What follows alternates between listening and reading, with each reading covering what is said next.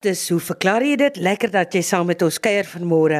My naam is Heidi Miller Isaacs en vandag gesels ons oor die ouderdom van slange en dan ook oor kwantumfisika oor die algemeen. Ek verwelkom die dierkundige emeritus professor Lefras Mouton en dan ook die teoretiese fisikus professor Hendrik Geier. Lefras gesels oor 'n navraag wat ons ontvang het van Jurgens Martens. Hy sê nou nie van waar hy is nie, maar hy wil weet hoe oud word slange en hoe mens die ouderdom van slange bepaal. Môre Heidi en luisteraars, ek moet sê die laaste maand of wat was daar buitengewoon baie berigte oor slange in die koerante slange in motors, slange in huise, slange op die golfbaan en as ek die politiek so kyk, ook slange in die gras. Dit is my elke jaar se storie. Slange is nog maar net eenmaal baie meer aktief in die warm somermaande as in die koue wintermaande. Jeugens, ek gaan met jou tweede vraag begin. Hoe bepaal 'n mens die ouderdom van slange of miskien moet mens liewer vra, kan 'n mens die ouderdom van slange bepaal? Ons as mens is goed gekonfy daarin om die ouderdom van ander mense redelik akkuraat te kan skat en ons maak van 'n hele aantal leidrade gebruik in die proses. Sommige baie subtiel en ander meer voor die hand liggend, soos byvoorbeeld grysheid, plooie, hare wat uitval om nou maar 'n paar te noem. Veeboere uh bepaal die ouderdom van hul beeste en skape deur hoofsaaklik na die tande te kyk jagters is ook heel bedrewe om die ouderdomme van bokke te te skat. 'n Kudubil byvoorbeeld, se horings begin eers te groei wanneer dit of hy so tussen 6 en 12 maande oud is. Die eerste volledige draai of kartel van die horings word voltooi te ongeveer 2 jaar en die volle 2 en 'n half draaie so na 6 jaar. Veldwagters het ook 'n hele reeks eienskappe wat hulle gebruik om die ouderdom van olifante redelik akkuraat te kan skat. En ek glo dit is seker ook waar vir baie van die ander diere onder hulle beheer. In die geval van die meeste voëlspesies is dit egter bykans onmoontlik om ouderdom te bepaal deur net na die voël te kyk. Hulle verveer elke jaar en die ou vere word vervang met 'n blink nuwe veredos wat bitter min of geen aanduidings van ouderdom gee nie. By daardie enkele voëlspesies wat ornamentasie aan die kop besit soos lelle of vratte of knoppe ensovoorts, uh kan hierdie strukture wel met ouderdom groter word en dan vir ons 'n aanduiding van ouderdom gee. Wetvlugduwe byvoorbeeld het neusvratte en ook vratte om die oë wat by sommige individue met ouderdom al hoe groter word. Vir duiweboere is dit dus baie maklik om 'n ou mannetjie van 'n jonger mannetjie te kan onderskei.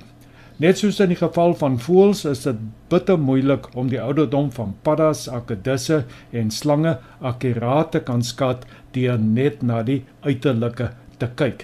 Een aspek wat dit by hierdie drie groepe egter 'n klein bietjie makliker maak om ouderdom te skat, is die feit dat die groeiproses by hierdie groepe onbepaald is. Dit wil sê die dier hou aan met groei deur sy hele lewe, alhoewel die tempo uh, waarteen dit gebeur met ouderdom afneem. By die meeste soogdiere en voëls is groei bepaald. Met ander woorde, groei stop redelik vroeg uh, in die dier se lewe. In die geval van slange sal die groot individue van 'n spesifieke spesies waarskynlik dan ook ouer wees as die kleiner individue.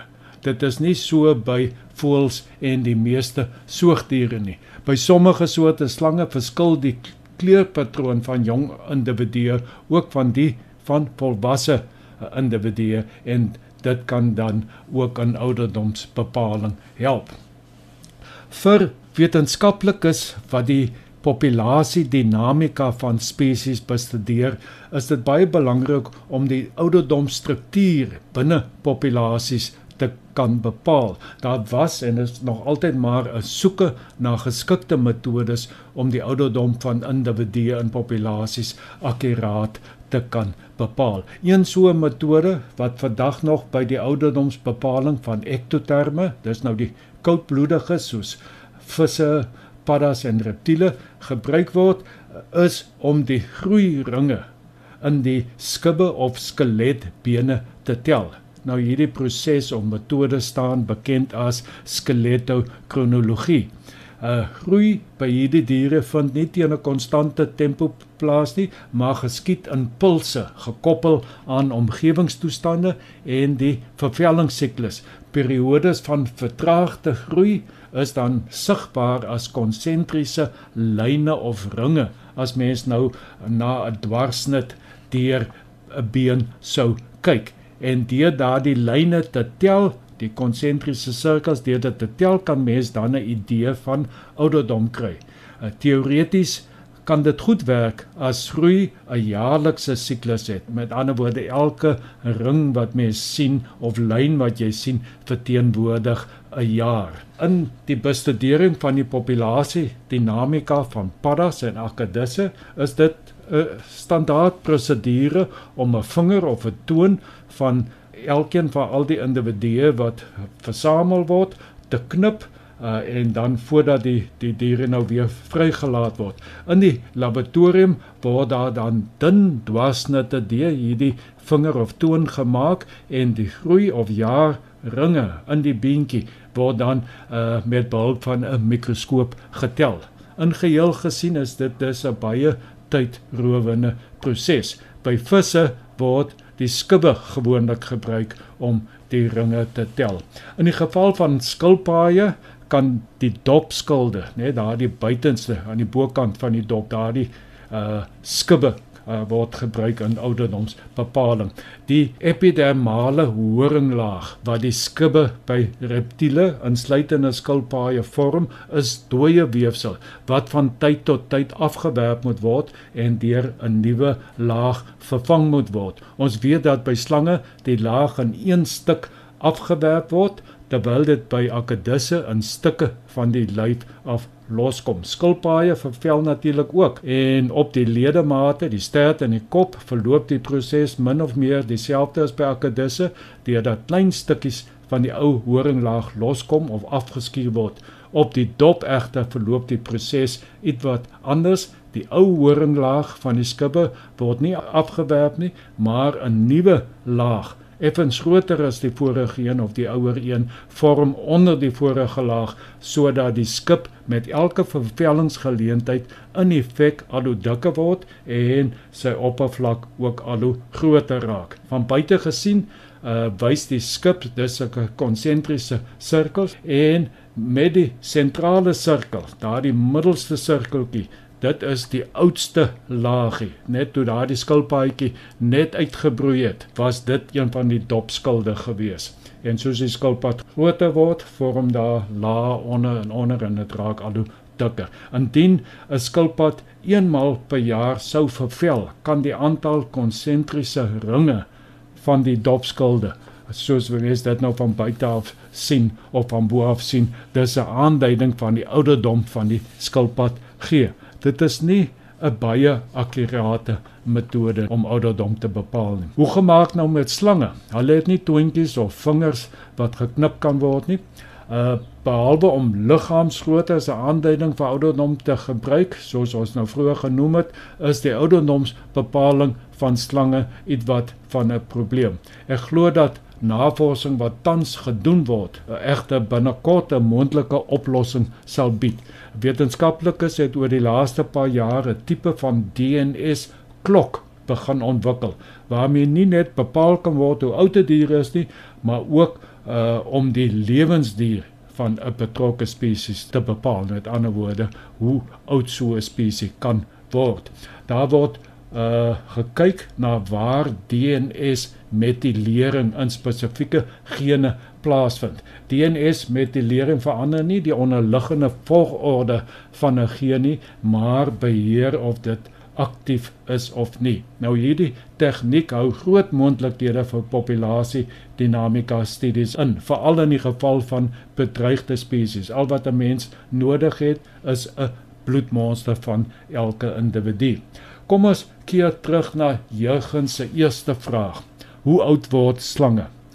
Nou in die natuur bestaan daar 'n direkte verband tussen liggaamsgrootte en lewensduur. Hoe groter 'n spesies is, hoe ouer word die individue van daardie spesies. Dit het te doen met suurstofverbruik of metaboliese tempo dan. Hoe groter 'n dier, hoe laer is sy suurstofverbruik per gram massa en hoe kleiner hy is, hoe hoër is sy suurstofverbruik per gram massa. Suurstofverbruik is 'n aanduiding van die hoeveelheid werk wat verrig word. Met ander woorde, hoeveel energie verbrand word. Die weefsel van 'n klein diertjie werk dus harder as die van 'n groot dier en gaan 'n korter lewensduur hê. Kortom, 'n muis gaan baie korter lewe as 'n olifant maar omdat sy weefsel baie harder werk as die van die olifant, gaan die hoeveelheid werk wat verrig is of suurstof wat verbruik is gedurende die muis en die olifant se onderskeie lewens baie na aan dieselfde wees.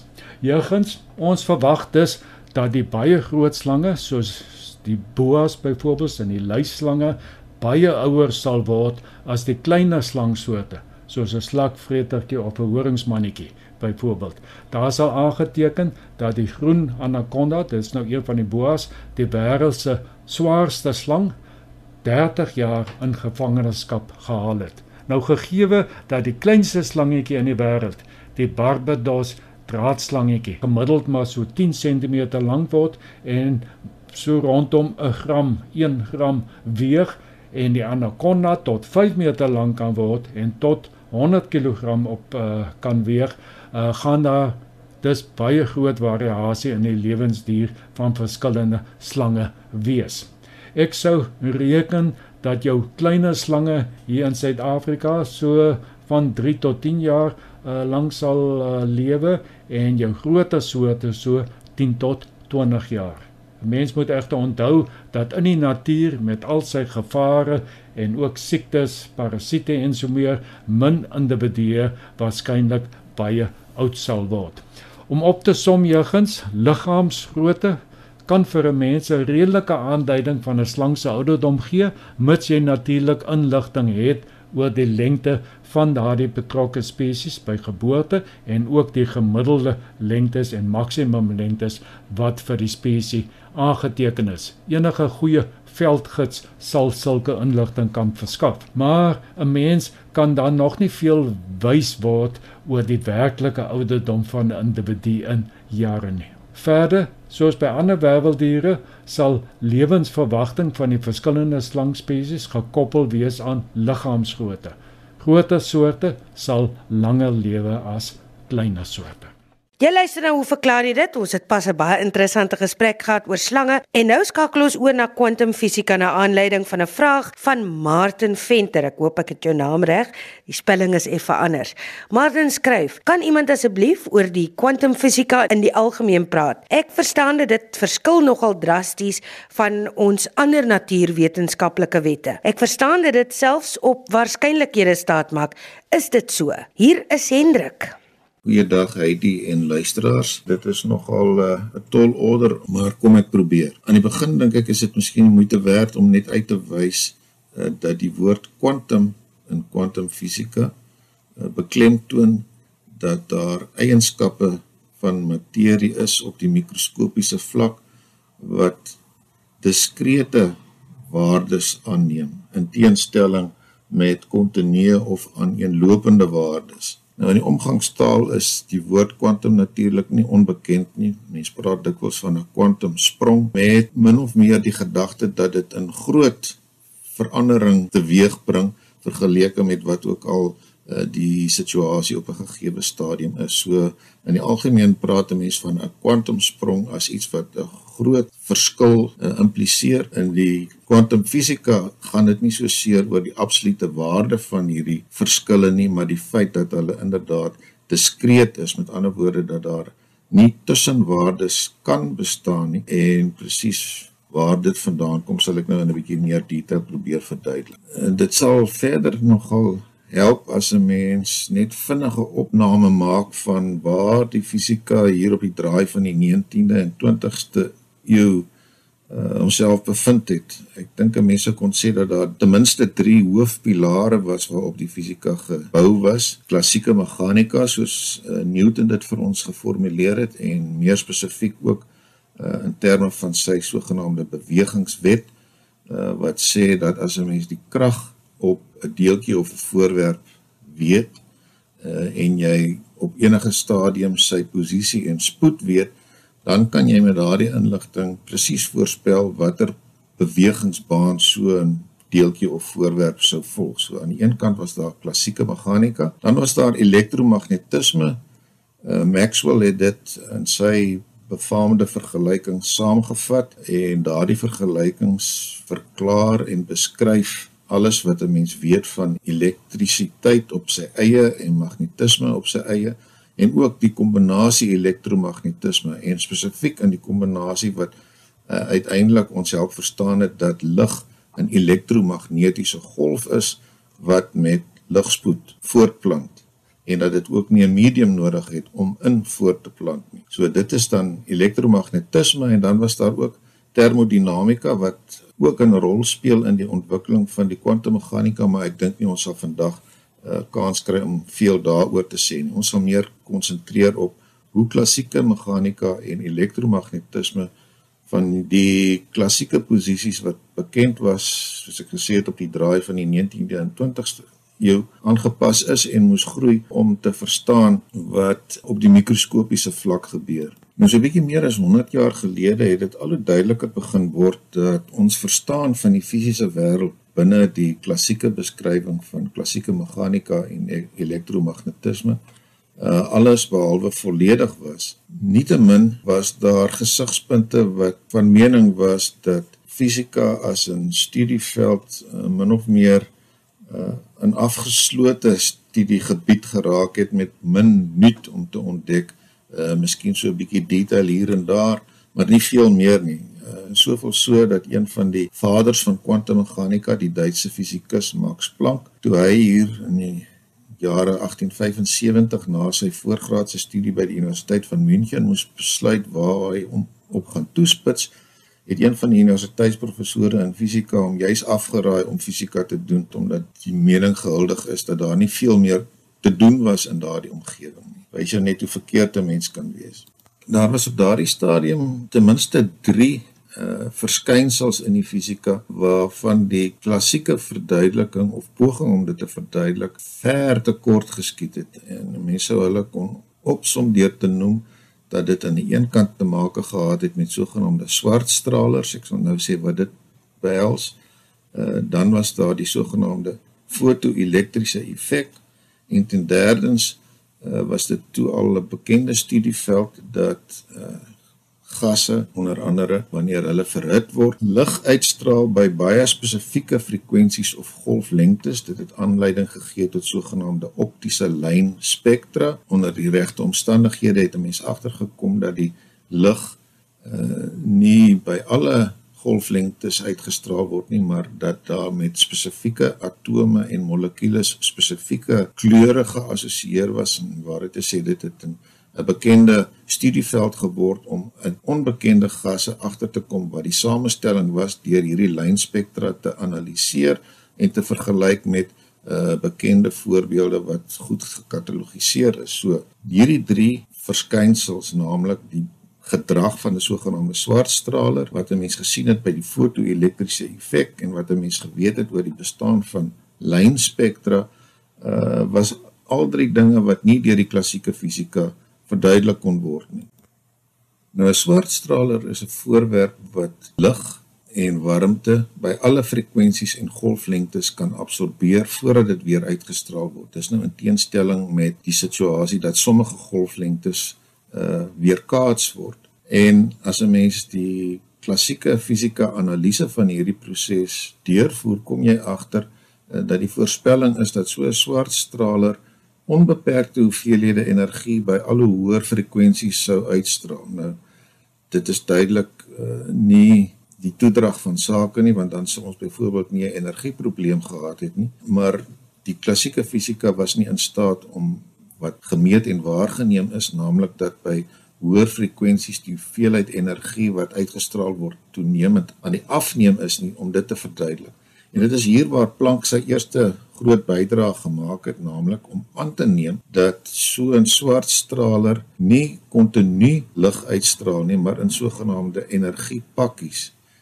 Ehm uh, met ander woorde diskrete hoeveelhede energie en die diskreetheid het daarmee te maak gehad dat Planck gesê het vir 'n gegeewe frekwensie het ons 'n gegeewe hoeveelheid energie wat daarmee geassosieer is en die eweredigheidskonstante het die naam Planck se konstante gekry. En dit is nie te verbasend dat dit lank gevat het voordat die bestaan van hierdie konstante op hierdie manier aan die lig gekom het nie want in ons gewone meeteenhede het dit 'n numeriese waarde van 10 tot die mag min 34 dit wil sê baie baie klein so op sommender wys kan 'n mens sê dat Planck deur aan te neem dat 'n swartstraler energie in diskrete hoeveelhede uitstraal, uh, kon hy presies verduidelik hoe die sogenaamde spektrum van so 'n swartstraler lyk.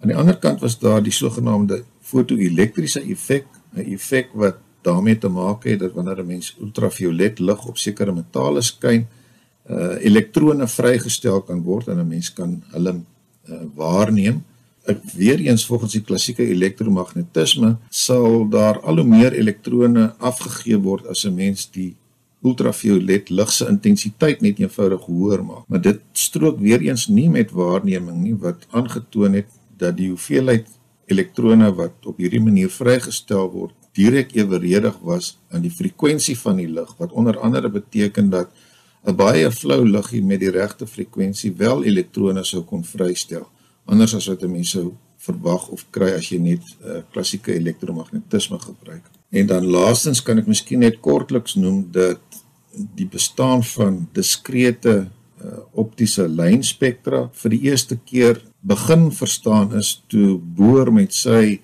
sogenaamde Bohr atoommodel na vore gekom het.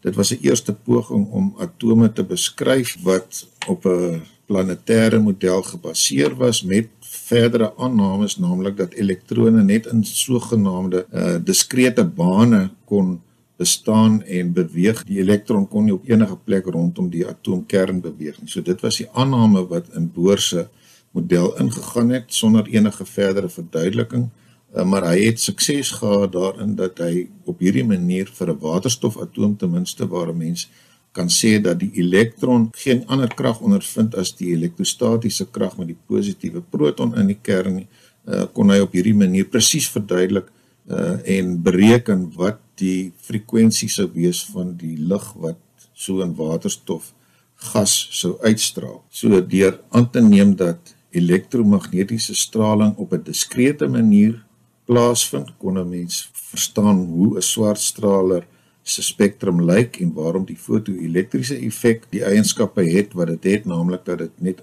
die hoeveelheid en elektrone wat afgegee word deur ultraviolet lig net afhang van die frekwensie en nie noodwendig die intensiteit van die lig nie en verder het die diskreetheid ook 'n rol gespeel in die verstaan van optiese lynspektra. So dit het dus duidelik geword dat diskreetheid in kardinale eienskap is op die mikroskopiese vlak wat 'n mens op 'n fundamentele manier sou moes beskryf en verstaan uh, alvorens jy baie van die fisiese eienskappe wat toe reeds bekend is sou kon verstaan. Ons het nou nog niks gesê oor die kwessie van waarskynlikheid uh, wat Martin redelik vroeg in sy vraag aangespreek het nie. Nou iets daaroor te probeer sê, sal ek net weer herhaal dat Newton se bewegingswet is daarop gebaseer dat as 'n mens die krag op 'n deeltjie ken en die beginkondisies, dit wil sê die beginspoed en posisie, dan kan jy die baan van die deeltjie voorspel. Nou mettertyd het Bohr se redelik primitiewe beskrywing van die atoom moes plek maak vir Schrödinger se sogenaamde Schrödinger vergelyking uh wat die eienskappe van so 'n elektron in 'n atoom kon beskryf en wat mense kon sê 'n been in elke kamp het van die sogenaamde golf en deeltjie eienskappe want die Schrödinger vergelyking se oplossing is iets wat 'n golf is, maar nie 'n gewone watergolf of liggolf nie, maar 'n sogenaamde materiegolf uh, op sigself 'n konsep uh, waaroor daar nog gerede kabel word oor presies wat die implikasies van so 'n beskrywingskeuse is. En nietemin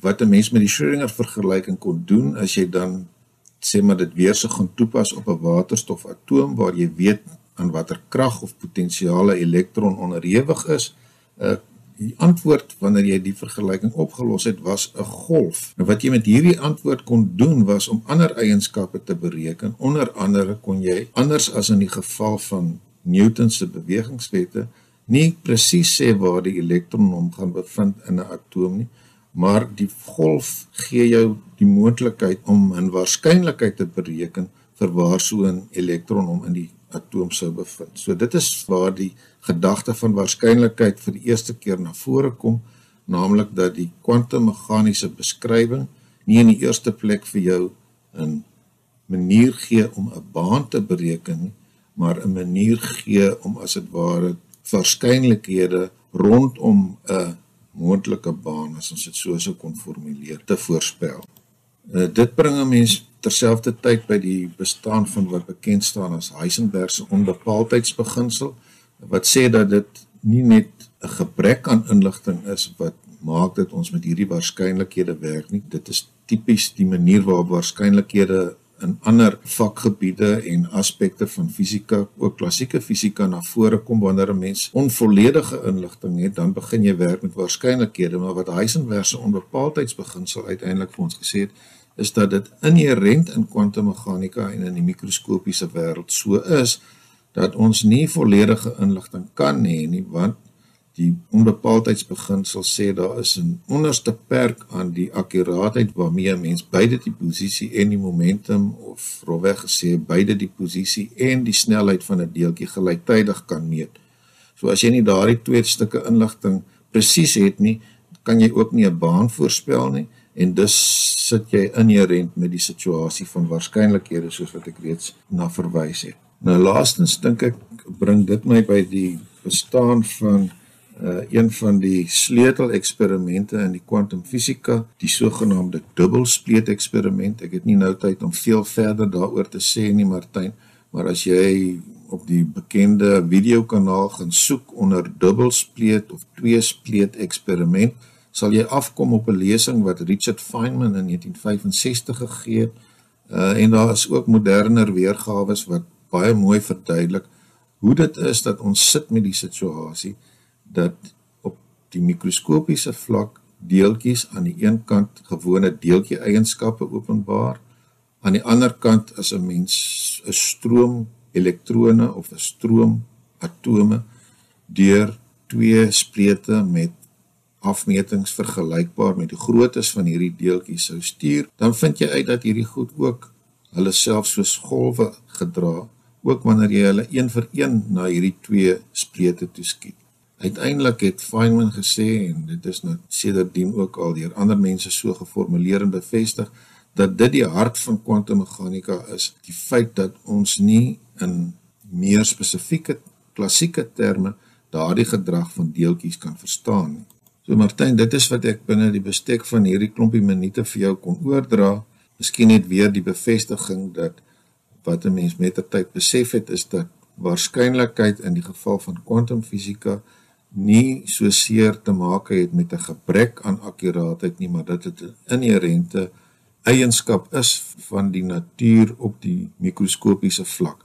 En terloops, uh vandag word die kennis wat in kwantummeganika opgebou is, ingespan om dinge te ontwikkel wat miskien amper soos wetenskapsfiksie klink. Ons praat van kwantumrekenaars, kwantumkommunikasie, dit wil sê kommunikasie wat in beginsel uh, wanneer dit gekodeer is nie uh, deur meer luisteraars onderskep en geanaliseer kan word nie. Die Chinese het 'n uh, groot program wat al daarop uitgeloop het dat hulle uh, satelliete posisioneer wat op hierdie manier mettertyd rondom die hele wêreld sal kan kommunikeer op so 'n manier uh, dat die boodskappe nie uh, ondervang sou kon word nie. Dit is maar van die dinge wat op die oomblik uh, in die kwantumfisika gebeur. Maar ek hoop jy het daarom so effens 'n beter begrip vir waar hierdie hele ontwikkeling vandaan gekom het. Baie dankie aan professor Hendrik Geier en so ook aan professor Emeritus Lefras Meton vir vandag se gesprekke. Gaan laai gerus hierdie program af by rsg.co.za. Jy klik daar op potgooi en dan weer op die letter H. Vir hoe verklaar jy dit? Daar soek jy dan verder. My e-pos is heidi@rsg.co.za. Dis nou indien jy navraag vir ons kenners het. Ek groet jou tot aanstaande week. Lekker middag vir jou en joune.